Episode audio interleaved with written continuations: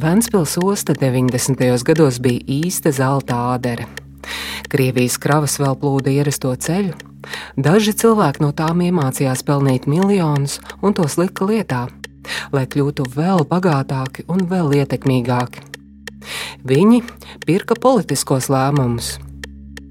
Šim neformālajam grupējumam pat bija sava kvota ministru kabinetā un lielajos valsts uzņēmumos neliela naudas pats viņa iedeva un, un, un viss pa daļām tur kaut ko pa mēnesi reizi vai kā. Vai, no tā. Latvijas radio kļuvušas zināmas liecības, ka naudu no Ventspilsniekiem savulaik saņēmušas gandrīz visas lielās saimnes partijas.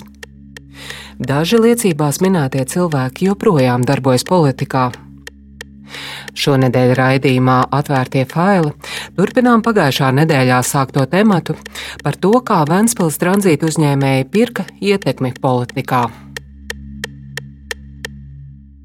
Pirmā daļa - pierakstu klāte. 98. gadā. Skatieties, kas tur ir? Tas ir Tā, JP, kas varētu būt jaunā partija, vietējā laikā. Jā, jaunā partija 150 tūkstoši. Lati tie, jā. Lati. Uzņēmējs Valentīns Kokalis rāda vecas piezīmes, kurās kārtīgā rokrakstā piefiksēta partija nosaukumi un tiem pretī naudas summas. Tad ir uh, zemnieki. Zemnieki 200. Zemnieki jau tuvietiem, to jau pārvaldīja Lemberga cilvēki ieliktē. Mm -hmm. Un tautas saskaņas partija TSP. Tautas saskaņa partija, jā, Jurkans tur man liekas bija tur. 150. Sociāldemokrāti varētu būt. Jā, jā. 80. Varētu būt, jā. Tūkstoši.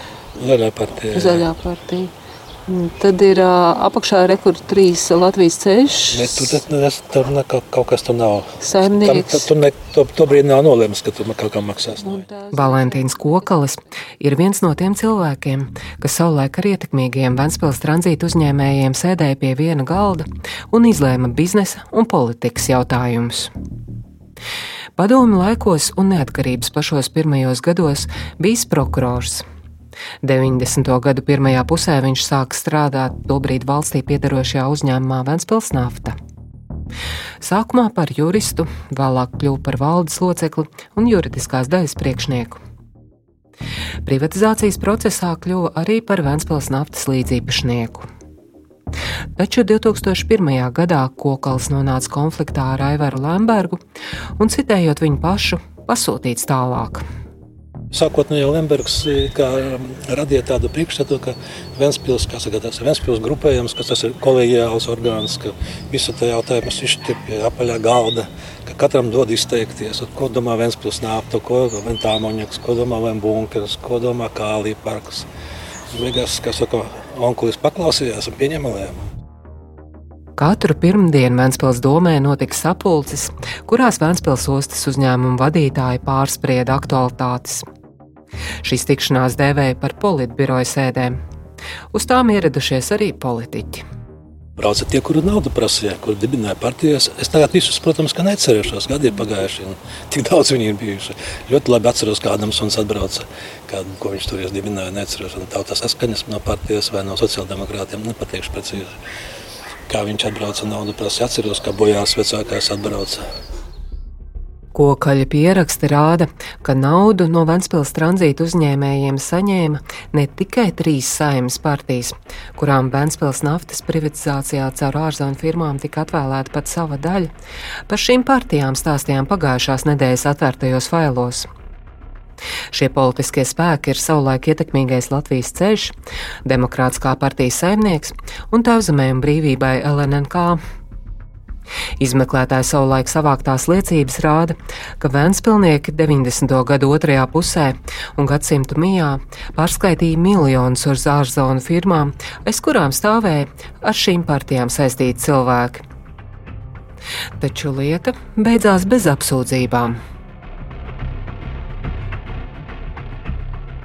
Latvijas radio lūdza komentārus visu kokaļa piezīmēs atrodamo partiju pārstāvjiem. Naudas saņemšanu no Vēnspilsniekiem atzina divi, uzsverot, ka tas viss esot bijis oficiāli. Viens no viņiem ir partijas saskaņa priekšsādātājs Jānis Urbanovičs, kurš tolaik darbojās Tautas saskaņas partijā. Mums bija līgums pat noslēgts ar šo asociāciju, ja nemaldos. Es atceros viņu, jo es viņu pats arī tur laboju, pirms viņš tika parakstīts no partijas vadības. Proti, tur bija no vienas puses viņi bija gatavi sponsorēt partijas darbu, partijas programmas izpildi. Tieši tā, šo es atceros, es pat to ieliku.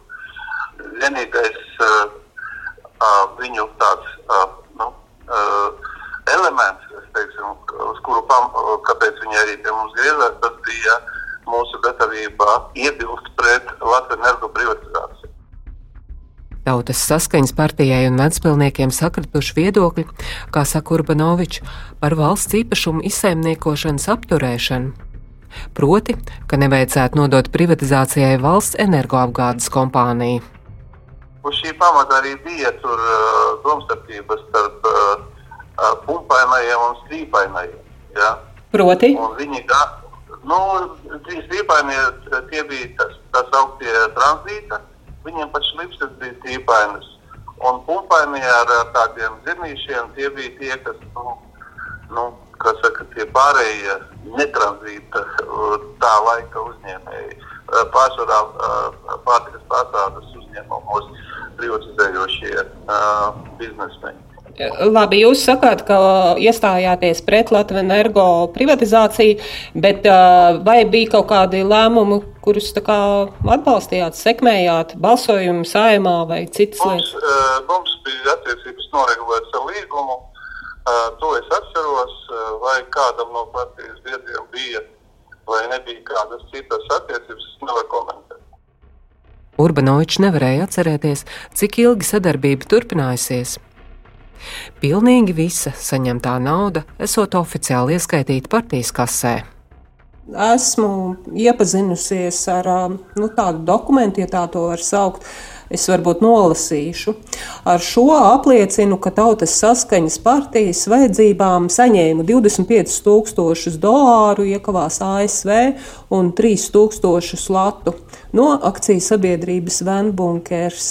Paraksts Jānis Urbanovičs un jūsu paraksts, vai tā varētu būt? Naudas saņemšanu apstiprina vēl viens kokaļa pieminētais politiķis - bijušais Latvijas Sociāldemokrātiskās partijas priekšsēdētājs Juris Bojārs.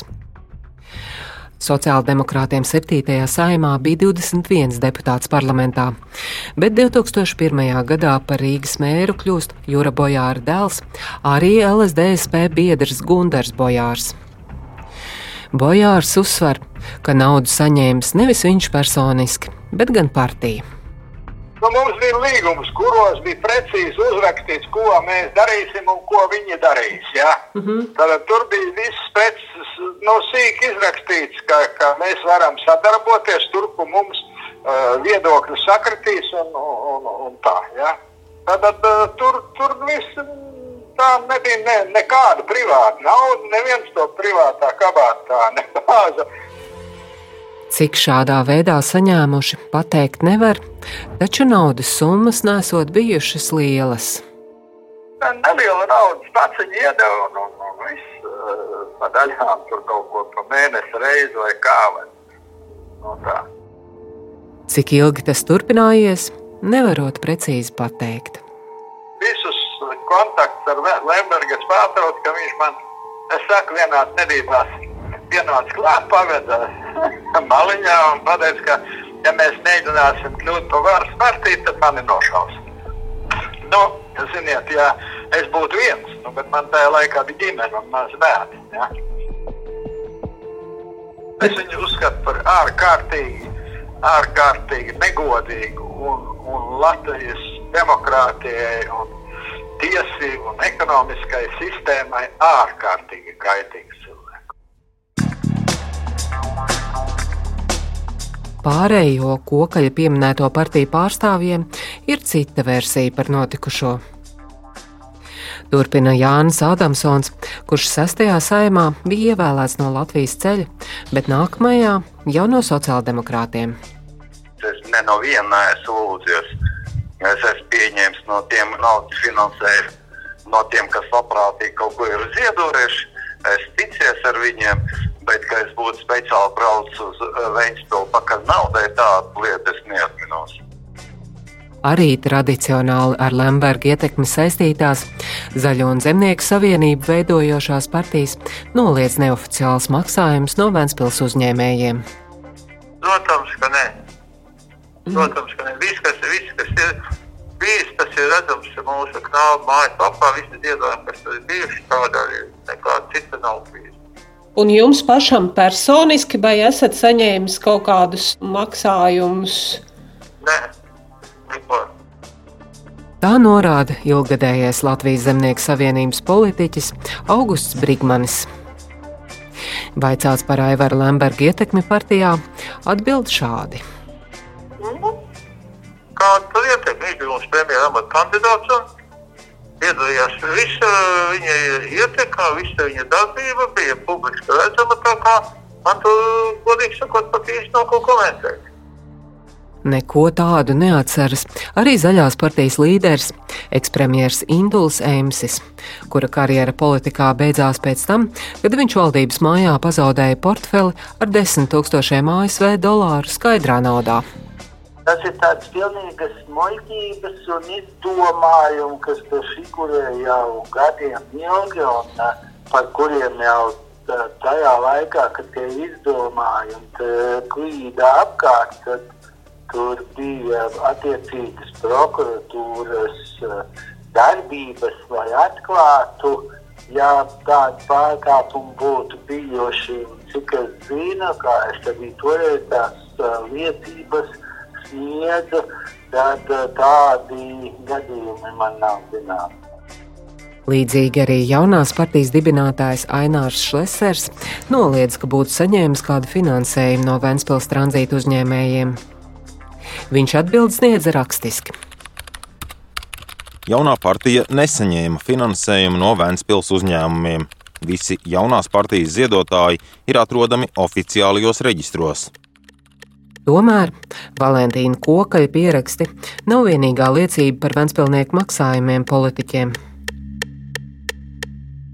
Otrā daļa - protokoli.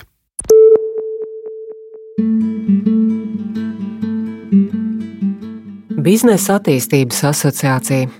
Tā sauc organizāciju, kurā Vēncpils tranzīta uzņēmēji lēma par partiju finansēšanu.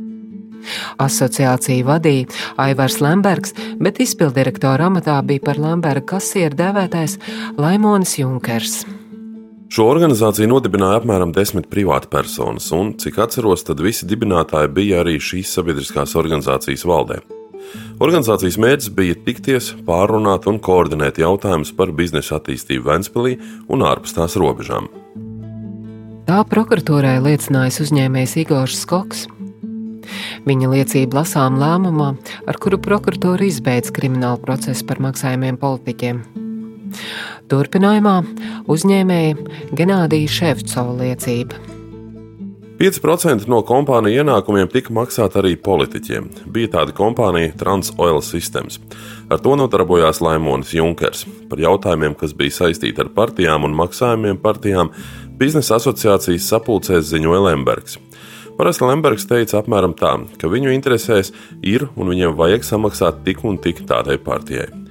Parasti neviens pret to neiebilda un jautājumu ātri izlēma. Sākotnēji biznesa attīstības asociācijas sēdes neprotokolēja. Vēlāk, lai varētu izsakot un kontrolēt, kas iepriekš apspriests, lemtais piefiksēts. Latvijas radio rīcībā ir daži asociācijas sēžu protokoli. Piemēram, kādā 2001. gada janvāra protokolā ir ieraksti. Piešķirt SD Latvijas organizācijai 7000 latus un saistībā ar Rīgas pašvaldību vēlēšanām piešķirt ZS 7000 latus. Tie vedina domāt par naudas piešķīrumiem sociāldemokrātiem un zemnieku savienībai. Savukārt citā tā paša gada protokolā, kā pirmais punkts ir jautājums par finansiālu palīdzību, un nolemts, citēju, piešķirt TB 160 tūkstošus USD kas vedina domāt par naudas došanu tēvzemiešiem. Tajā pašā dienā darba kārtībā ir arī jautājums ar nosaukumu konsultanti. Tā Ventspilnieki iekšējās sarunās sauc partiju pārstāvjus. Pie konsultantiem piezīme apstiprināt pirmā ceturkšņa izmaksas, pielietojot koeficientu 0,5. Latvijas radio rīcībā ir informācija, ka 2002. gadā Ventspilnieki varētu būt pastarpināti finansējuši arī to gadu dibināto partiju jaunais laiks, kas politikā startēja ar pretkorupcijas karogu. No dokumentiem, ko likumsargi kratīšanā izņēma pie Lemberga grāmatvedes Gitas Grasmans, noprotams, ka 17 cilvēki jaunajam laikam noziedojuši kopumā 120 tūkstošus latus. Starp ziedotājiem manām Vēncpils pašvaldības darbinieki un uzņēmēji. Var pieņemt, ka Vēnspilnieki Enāra Repšas dibinātajai partijai vēlēšanās prognozēja panākumus un vēlējās savas ietekmes sfēras. Par šiem ziedojumiem viedokli lūdzu Repšem. Viņš atbild sniedza rakstiski. Tās ierunā kolēģis. Tie bija vispārīgi ziedojumi politiskā procesa atbalstam, kas tika iegrāmatoti un deklarēti atbilstoši tā laika likumiem un kārtībai. Par trešajām personām mūsu rīcībā ziņu nebija. Redzējām tikai to, kas banku maksājumu dokumentos. Uz jautājumu, vai jaunā laika dibinātājiem bijušas sarunas ar Ventspils tranzītu uzņēmējiem par finansiālu atbalstu partijai, Repše atbild šādi. Ļoti iespējams, ka ir bijušas sarunas par mūsu programmu un politiskajiem mērķiem. Neatceros. Tādu sarunu toreiz bija ļoti daudz. Noteikti nekad nevienu neesam aicinājuši ziedot nelikumīgi un neko nesolījām, izņemot īstenot savu publisko programmu.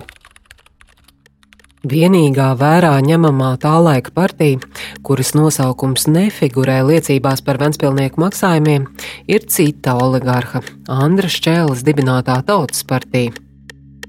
Šķēlē ar Lembergu ilgu laiku atradās pretējās nometnēs, līdz 2001. gadā vienojās par, citēju, uzņēmējdarbības vides sakārtošanu. Un kopš tā laika politikā saspēlējas. Trešā daļa - Nacionālā buržuāzija.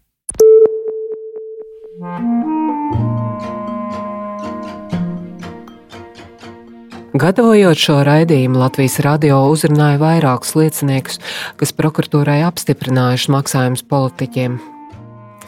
To vidū, piemēram, Olafs Berķis, Igors Skoks, Jūlijs Krūmiņš. Taču vienīgais, kas atsaucās intervijai, ir Valentīns Kokalis. Pēc kokaļa stāstītā ideja finansēt partijas bijusi tejo ar cēliem nodomiem. Man tur nekāda balss nebija, bet es principā atbalstīju šo ideju. Jo tā ideja bija tāda, ka tiešām Latvija izveidot tādu stabilu politisko partiju varu, teiksim, nu, kā Amerikā, kā Anglijā. Kokalim ir arī sava versija par Ventspilnieku lēmumu 21% uzņēmumu Latvijas naftas tranzīts akciju slepeni atvēlēt partijām. Atgādinām, ka šo uzņēmumu privātie tranzīta uzņēmēji dibināja, lai piedalītos toreiz bagātās Ventspils naftas privatizācijā, un tas viņiem arī izdevās. Gunteru krasta valdības laikā 1997. gadā parakstīja līgumu, ar kuru Ventspilnieku rokās nonāca 37% Ventspils naftas. Domā bija, ka Ventspils nafta jau nebūs pirmais uzņēmums, kuru privatizēs tālāk, iekškuģniecība. Tālāk ir gāja runa par Latvijas mežiem, par Latvijas dzelzceļu. Un būtu labi, kā saka, toreiz Lembergam bija tā ideja, ka vajag redzēt nacionālo buržuāziju. Nevajag ielaist kaut kādus tur svešus, ne tur amerikāņus, ne tur krievus, ne tur ukrāņus, bet Latvijā viss jāpiedara nacionālā buržuāzija, Latvijas uzņēmējiem. Bet, lai Latvijas tā, tā buržuāzija notiktu, vajag noturēt politisko varu. Lai noturēt politisko varu, Vajag stabilas partijas, divas, trīs stabilas partijas, kuras ir finansiāli nodrošinātas, kurām nav jāskrien, kuras nevar nopirkt, kurām nevar nopirkt deputātus. Tās partijas tiek finansētas no visiem šiem um, valsts uzņēmumu privatizācijas gaitā iegūtajām daļām. Tad ja tiek piešķirtas šīm partijām daļas, kā offshore uzņēmumos, kā uzrādītāja akcijas. Tas bija pat ne. Viņam tās akcijas tika uzrakstītas, bet tam partijām netika nodotas. Tās akcijas paturēja savā kontrolē. Un, ja kāds tu sāka ne, nepieņemt tādu lēmumu vai tādu politisku risinājumu, kā vajadzēja, tad nauda tika iesaldēta, netika izmaksāta šai partijai no šīm, kas pienācās no šīm daļām. Kamēr partija to lēmumu neizpildīja. Maksāt nācās visiem tranzīta uzņēmējiem vienādi. 98. man te ir. Kas tas ir? Nu, visa naudas cieta, kādā veidā, kādā veidā tā nauda aizgāja. Tur, kur rakstīts konsultanti, tās ir partijas. Bija uz kreisās rokas. Kokals rāda lapu, uz kuras uzzīmētas schēmas, kā dalīsies komisijas maksa par Vēnspēlī pārkrautajiem naftas produktiem. No katras tonnas 15 centi aizgājuši šiem neoficiālajiem maksājumiem, tajā skaitā partijām jeb konsultantiem. Jo vairāk uzņēmējs pārkrāvis, jo vairāk bijis jāmaksā. Kopā sanāca lielas summas - ap 6 miljoniem dolāru gadā. Naudas bija daudz, tomēr iecerēja stiprināt atsevišķas partijas, lai tās augtu un attīstītos, neizdevās. Man toreiz likās, ka tā ideja ir laba, bet Lembergs jau viņu to ideju sagrāva. Viņš jau nedeva partijām to naudu. Tā nauda aizgāja pieciem, sešiem partiju vadoņiem, kur iebāza savā kabatā, un partija bija nabaga. Tā ideja man liekas, ka bija laba. Varbūt, ka viņa nebija likumīga, es tam piekrītu.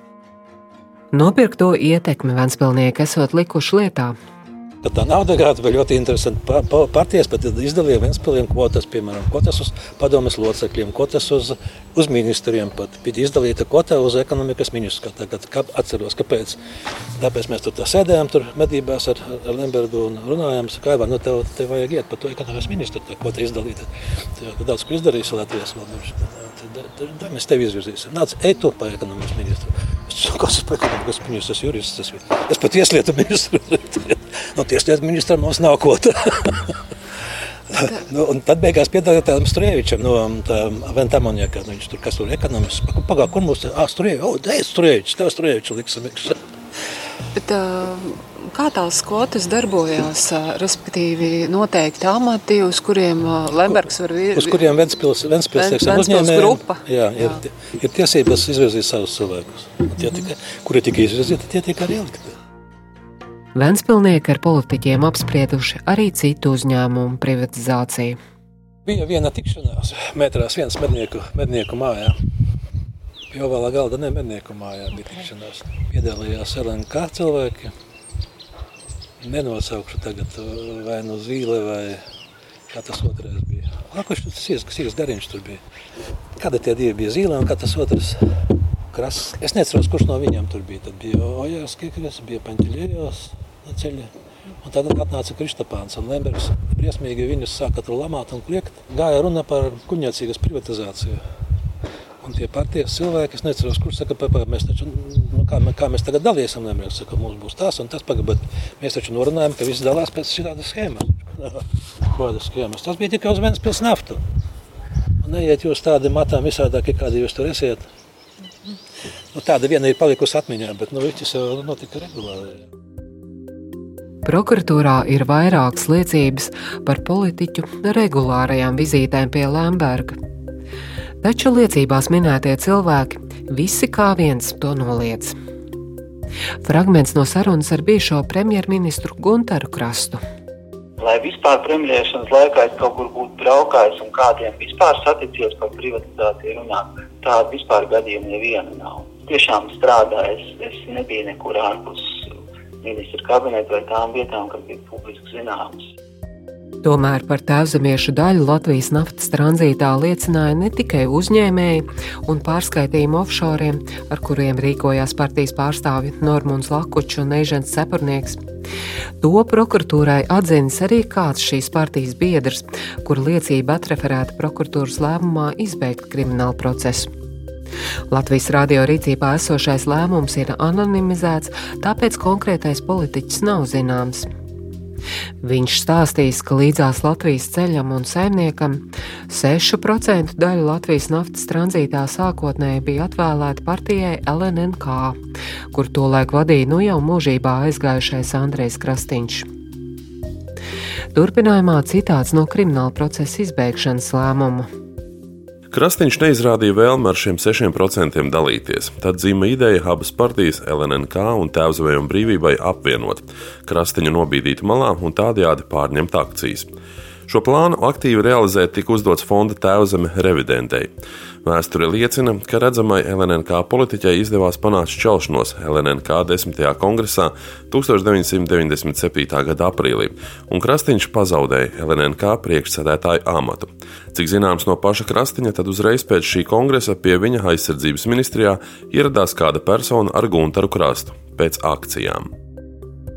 Anonimizēta ir arī minētā persona, kas ar krastu atnākusi uz ministriju. Nekad nav bijis tāda tikšanās, nekad nav bijis tādas sarunas. Es neko ne, tiešām nezināju, ka, ka kaut kādas vispār ir elementāri bijušas kaut kādas saites ar kaut ko. Un kā būtu viņi varējuši ietekmēt privatizāciju.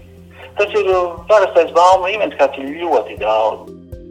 Arī Eiroparlamentārietis Roberts Zīle, kurš 90. gadu nogalē šī gadsimta sākumā septiņus gadus bijis ministrs dažādās valdībās, noliedz, ka būtu piedalījies neoficiālās sarunās ar Ventspils uzņēmējiem. Viņš Latvijas radio izvēlējās atbildēt rakstiski. Nekādās neoficiālās sarunās ne ar kādiem Vēncpils tranzītu uzņēmējiem neesmu piedalījies.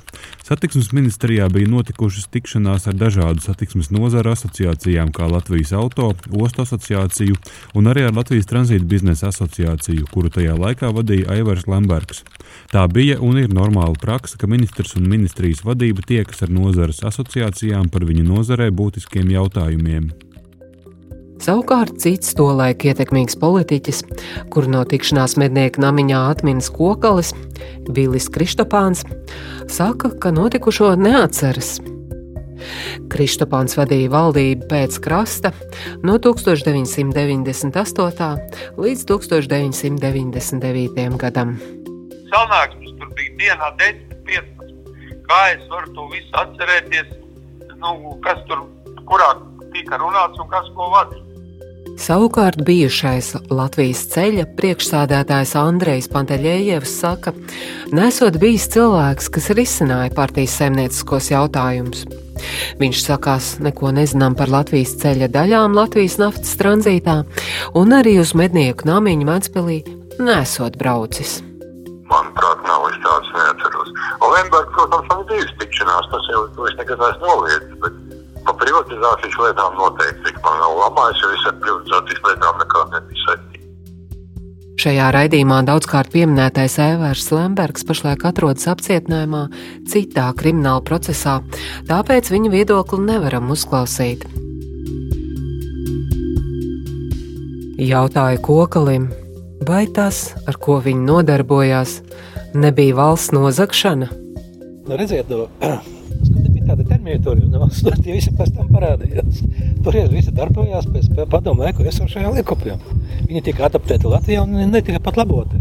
Pēc tādiem kodeksiem un, un likumiem mēs dzīvojām pat nu, nezinu, kādus gadus desmit, kad mēs sākām kaut ko labot. Raidījumu veidoja Indra Sprānce, Anita Brauna un Reinis Budze. Atvērtie faili!